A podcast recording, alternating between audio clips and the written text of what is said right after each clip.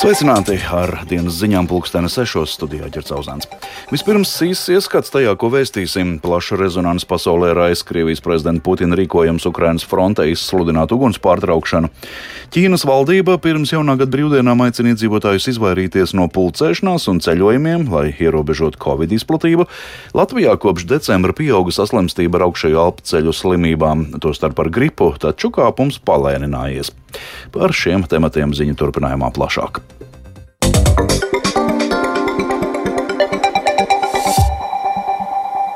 Plašu rezonanci ir aizsījis Krievijas prezidenta Vladimira Putina rīkojums no šodienas pusdienlaika līdz rītdienas pusnaktī visā Ukrainas frontē izsludināt uguns pārtraukšanu. Tas esot darīts atsaucoties Krievijas pareizticīgās baznīcas patriārha Kirila aicinājumam izsludināt pamieru pareizticīgo Ziemassvētku laikā.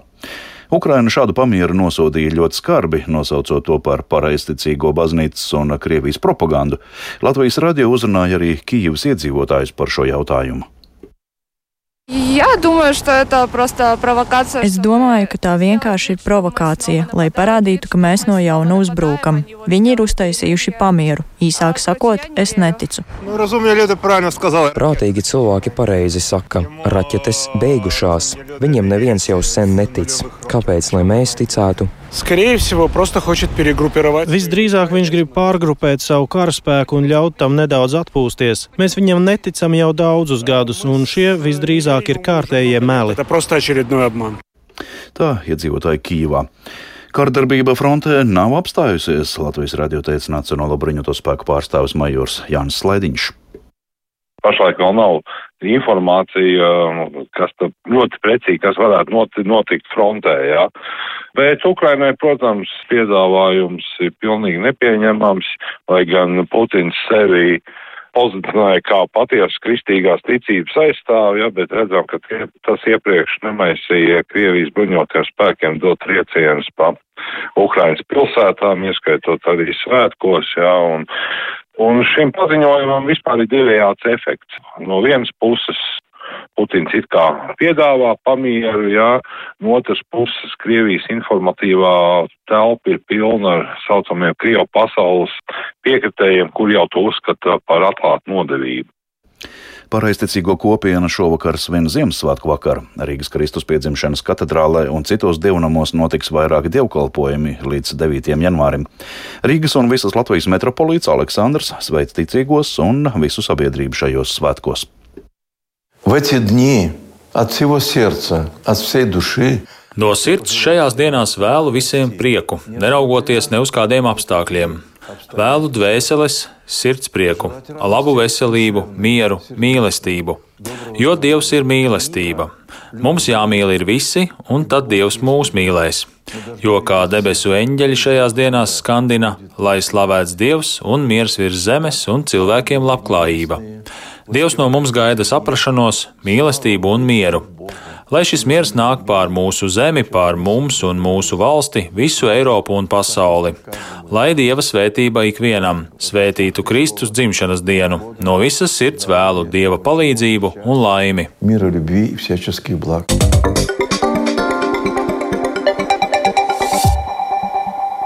Meksikā vakar aizturēts ieslodzījumā esošā narkotiku karteļa vadoņa Joaquina El Chapo Guzmana dēls. Ovidio Guzmans aizturēts valsts ziemeļrietumos esošajā Sinaloa štatā. Pēc viņa aizturēšanas izcēlās nemieri narkotiku karteļu locekļiem cenšoties atriepties par drošības spēku īstenotu operāciju. Plašāk par notikumiem Meksikā stāsta Rihards Plūme. Ovidio Guzmans ar iesauku El Ratonija Pele ticis aizturēts ziemeļrietumos esošā Sinaloā štata Kulikanas pilsētā. Pēc tam viņš ar īpašu militāru lidmašīnu nogādāts galvaspilsētā Mehiko. Viņa izsakošanas un aizturēšanas operācija ilgusi pusgadu. To atbalstīja ASV amatpersonas. Domājams, ka 32 gadus vecais Ovidio Guzmans teju sešus gadus palīdzējis vadīt tēva izveidoto Sinaloā karteli. Meksikas drošības spēki Guzmanu pirmo reizi reizi aizturēja jau 2019. gadā, taču toreiz viņu atbrīvoja, lai izvairītos no viņa atbalstītāju vardarbības draudiem. Šoreiz no tā nav izdevies izvairīties, jo pēc Guzmana aizturēšanas pilsētā izcēlās agresīvas sadursmes, kurās ir nogalināti vismaz trīs Nacionālās gvardes karavīri, bet vēl vismaz 28 cilvēki guvuši ievainojumus. Internetā izplatītajos video materiālos virs pilsētas redzami melnu dūmu mākoņi, kā arī sadedzinātas automašīnas un autobusi. Situāciju komentēja Meksikas aizsardzības ministrs Luis Crescencio Sandovals. Pēc tieša uzbrukuma atvairīšanas drošības spēki noziedzīgā grupējuma dalībnieku vidū identificēja Ovidio. Viņi tika arestēti un viņu rīcībā bija ieroči, ko izmanto vienīgi Meksikas armija un gaisa spēki. Mirkli pēc viņa aizturēšanas karteļa pārstāvji, kas ir daļa no viņa noziedzīgās grupas, dažādās Kulikanas pilsētas vietās izveidoja 19 barikādes un īstenoja bruņotus uzbrukumus, tostarp uzbrukumu Kulikanas starptautiskajai federālajai lidostai un gaisa spēku desmit desmitajai bāzei. Turklāt visas pieejas Kulikanas pilsētai tika bloķētas. Uzbrukuma laikā lidostai karteļa pārstāvi raidīja šāvienu uz divu lidmašīnu virzienā. Vienai no lidmašīnām, kas gatavojusies pacelties, arī trāpot. Pasažieru uzņemtos video materiālos redzams, kā lidmašīnā esošie cilvēki guļas uz grīdas un slēpjas aiz krēsliem. Sinaloā štata lidostās atcelti vairāk nekā simt reisi. Sadursmēm starp drošības spēkiem un karteļa pārstāvjiem turpinoties, izlaupīti vairāki veikali, skolās ir apturētas nodarbības, bet Kalikanas pilsētā ir atcelti dažādi sporta pasākumi. Meksikā šajā nemierīgajā laikā jau svētdien gaidāma ASV prezidenta Džo Baidena vizīte, jo galvaspilsētā norisināsies Ziemeļamerikas līderu samits. Rihards Plūme, Latvijas radio. Ķīnas valdība šodien aicināja valsts iedzīvotājus izvairīties no pulcēšanās un ceļojumiem, lai ierobežotu covid izplatību. Pēc dažām nedēļām sāksies ķīniešu jaunā gada brīvdienas, tāpēc pieaug bažas par jaunu covid uzliesmojumu valstī. Aizvien vairāk valstu nosaka ierobežojumus ieceļotājiem no Ķīnas. Turpina Uldis Česbers. Ķīnas transporta ministrija aicinājusi valsts iedzīvotājus bez vajadzības neceļot un izvairīties no vietām, kur apgrozās daudz cilvēku. Taču varas iestādes nemudina cilvēkus palikt mājās, kā tas bijis gandrīz visu Covid-19 pandēmijas laiku. 23. janvārī sāksies ķīniešu jaunais gads, kad desmitiem miljoniem Ķīnas iedzīvotāju dosies pie savām ģimenēm un draugiem, bet tas var novest pie jauna Covid-19 izplatības viļņa. Ķīnas valdība decembrī negaidīti mīkstināja lielāko daļu no stingrajiem ierobežojumiem pasākumiem, un no svētdienas atcels arī obligāto karantīnu visiem, kuri ieceļo valstī. Lielāka pārvietošanās un pulcēšanās brīvība ir novedusi pie tā, ka Ķīnā ir strauji pieaugusi inficēšanās ar bīstamo koronavīrusu. Visā valstī slimnīcas ir pārpildītas ar covid-19 pacientiem, pārslogojot veselības aprūpes sistēmu. Lai gan oficiāli Ķīna joprojām ziņo par dažiem ar covid-19 saistītiem nāvis gadījumiem diennaktī, patiesā aina varētu būt daudz drūmāka. Par to liecina pārpildītie morgi un garās rindas krematorijās. Ķīna ir saņēmusi pārmetumus par informācijas nesniegšanu sniegšanu saistībā ar Covid situāciju valstī. Pekinu uz lielāku atklātību mudināja arī Pasaules veselības organizācijas ģenerāldirektors Tedros Adhanoms Gebriejesus. Mēs turpinām pieprasīt Ķīnai sniegt daudz ātrāk un regulārāk uzticamus datus par hospitalizāciju un nāvis gadījumiem, kas ir saistīti ar Covid. Ņemot vērā vīrusa plašo izplatību un to, ka netiek sniegti visaptveroši dati, ir saprotams, ka dažas valstis veids pasākumus, lai aizsargātu savus pilsoņus. Virkne Eiropas un Āzijas valstu, kā arī ASV un Kanāda, pieprasījušas ieceļotājiem no Ķīnas uzrādīt negatīvus COVID-19 testus. Toronto Pīrsona starptautiskajā lidostā uzrunātais pasažieris no Ķīnas pauda sapratni par šādu prasību. Mums tas vienkārši ir jādara. Tādi ir noteikumi. Pirms reģistrēšanās lidojumam ir jāsaņem negatīvs covid tests. Pēc tam var reģistrēties un viss ir kārtībā. Pekina ir kritizējusi citu valstu prasību pasažieriem no Ķīnas uzrādīt negatīvu covid-19 testu un brīdinājusi par atbildes pasākumiem. Uldis Česberis, Latvijas radio.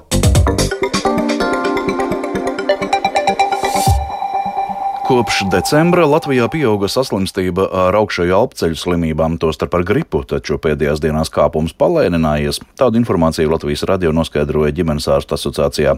Situācija raksturo arī neatliekamās medicīniskās palīdzības dienesta direktora vietniece neatliekamās medicīniskās palīdzības jautājumos Māra Dīriņa. Dienas šobrīd strādā ārkārtas situācijas režīmā.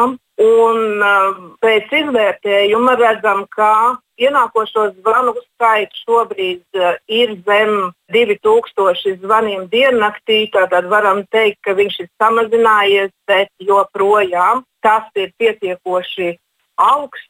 Mēs strādājām visi epidēmijas apstākļos, un kā mēs visi zinām, tad situācija var mainīties jebkurā brīdī, var saslimstība augt, un tad mūsu gatavībai ir jābūt nodrošinātai. Jūtams šis sabiedrības atbalsts, tieši izpratne par to, ka situācijās, kad ir pirmās dienas temperatūra, kad nu, nevajadzētu traucēt 113, lai eh, saņemtu padomus vai atbalstu, kā rīkoties eh, pie pirmajiem simptomiem. Rīgas doma šodien ziņoja, ka nākamnedēļ, 9. janvārī, sāksies pieteikšanās pašvaldības atbalstītajiem latviešu valodas kursiem. Kurš šajos kursos varēs mācīties un vai līdzīgas bezmaksas iespējas pieejamas arī citviet, klausieties Ievas puķis sižetā. Pirms jaunā gada Latviešu valodas aģentūrā stāvēja rinda pēc mācību grāmatām. Paredzams, ka tikpat liela būs ažiotāža par šodien izsludinātajiem bezmaksas latviešu valodas kursiem, uz kuriem no nākamās pirmdienas varēs pieteikties cilvēki, kuri deklarējuši dzīvesvietu Rīgā, kā arī Ukrainas bēgļi, kuri šeit apmetušies. Latviešu valodas kursi Rīgā nav nekas jauns. Pašvaldība tos organizē jau kopš 2010. gada. Šogad atbalstīti valodu mācību centru projekti gandrīz 99 tūkstoši eiro apmērā. Tas nodrošinās latviešu valodas apgūvi vismaz 600 cilvēkiem, stāsta apkaimju iedzīvotāju centra integrācijas speciāliste Irina Vasiljeva. Pavasara posms līdz jāņem provizoriski un arī rudens posms, kas sāksies jūlijā, augustā un beigsies novembrī. Mācību ilgums no 80 līdz 120 stundām. Šis ir gads, kad arī mazākuma tautību skolas sāk pakāpenisku pārēju uz mācībām latviešu valodā. Tāpat Latvijā lielā skaitā ieradušies kara bēgļi no Ukrainas. Pašvaldības darbiniece skaidroja, ka Rīgas domes kursi esot populāri arī augsto kvalitātes prasību dēļ. Šo kursu uzdevums ir uzlabot latviešu valodu. Tie nav paredzēti naturalizācijas vai kādu citu eksāmenu kārtošanai. Latviešu valodas kursi notiek arī citās pašvaldībās. Valodu var mācīties arī maksas kursos vai individuāli. Orientēties piedāvājumā tomēr nav viegli, jo pašlaik valstī nav vienas koordinējošas instances latviešu valodas apguvēji, uzsvēra organizācijas gribu palīdzēt bēgļiem pārstāve Linda Jakobsone Gavala. Jo ir uh, viena institūcija, kas nodarbojas ar pedagoģu apmācību, citi, kas nodarbojas ar trešvalstniekiem. Restīvi, tur ir milzīgs skaits iesaistīto institūciju. Tur ir izglītības zinātnes ministrija, tur ir uh, kultūras ministrija, tur ir uh, sabiedrības integrācijas fonds. Nu, tur ir ļoti, ļoti plašs to iesaistīto loku. Vajadzība pēc valsts valodas politikas īstenošanas koordinācijas stiprināšanas pamatota arī jaunās valdības deklarācijas 54. punktā Ieva Puķa, Latvijas radio.